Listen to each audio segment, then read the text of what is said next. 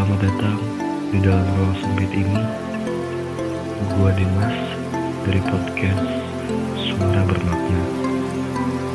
Kali ini gua akan menemani kalian di malam yang indah ini melalui via suara. Suara bermakna.